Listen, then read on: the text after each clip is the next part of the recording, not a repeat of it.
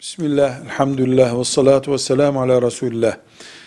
Bir kadının evlendikten sonra nikahlı eşine hizmet etmesi farzdır. Nikahlı eşi dışında bir kadın Allah'ın emri farz olarak hiç kimseye hizmet ettirilemez. Kaynana, kaynata, kayınlar herkes buna dahildir. Kadına Allah böyle bir yük yüklememiştir.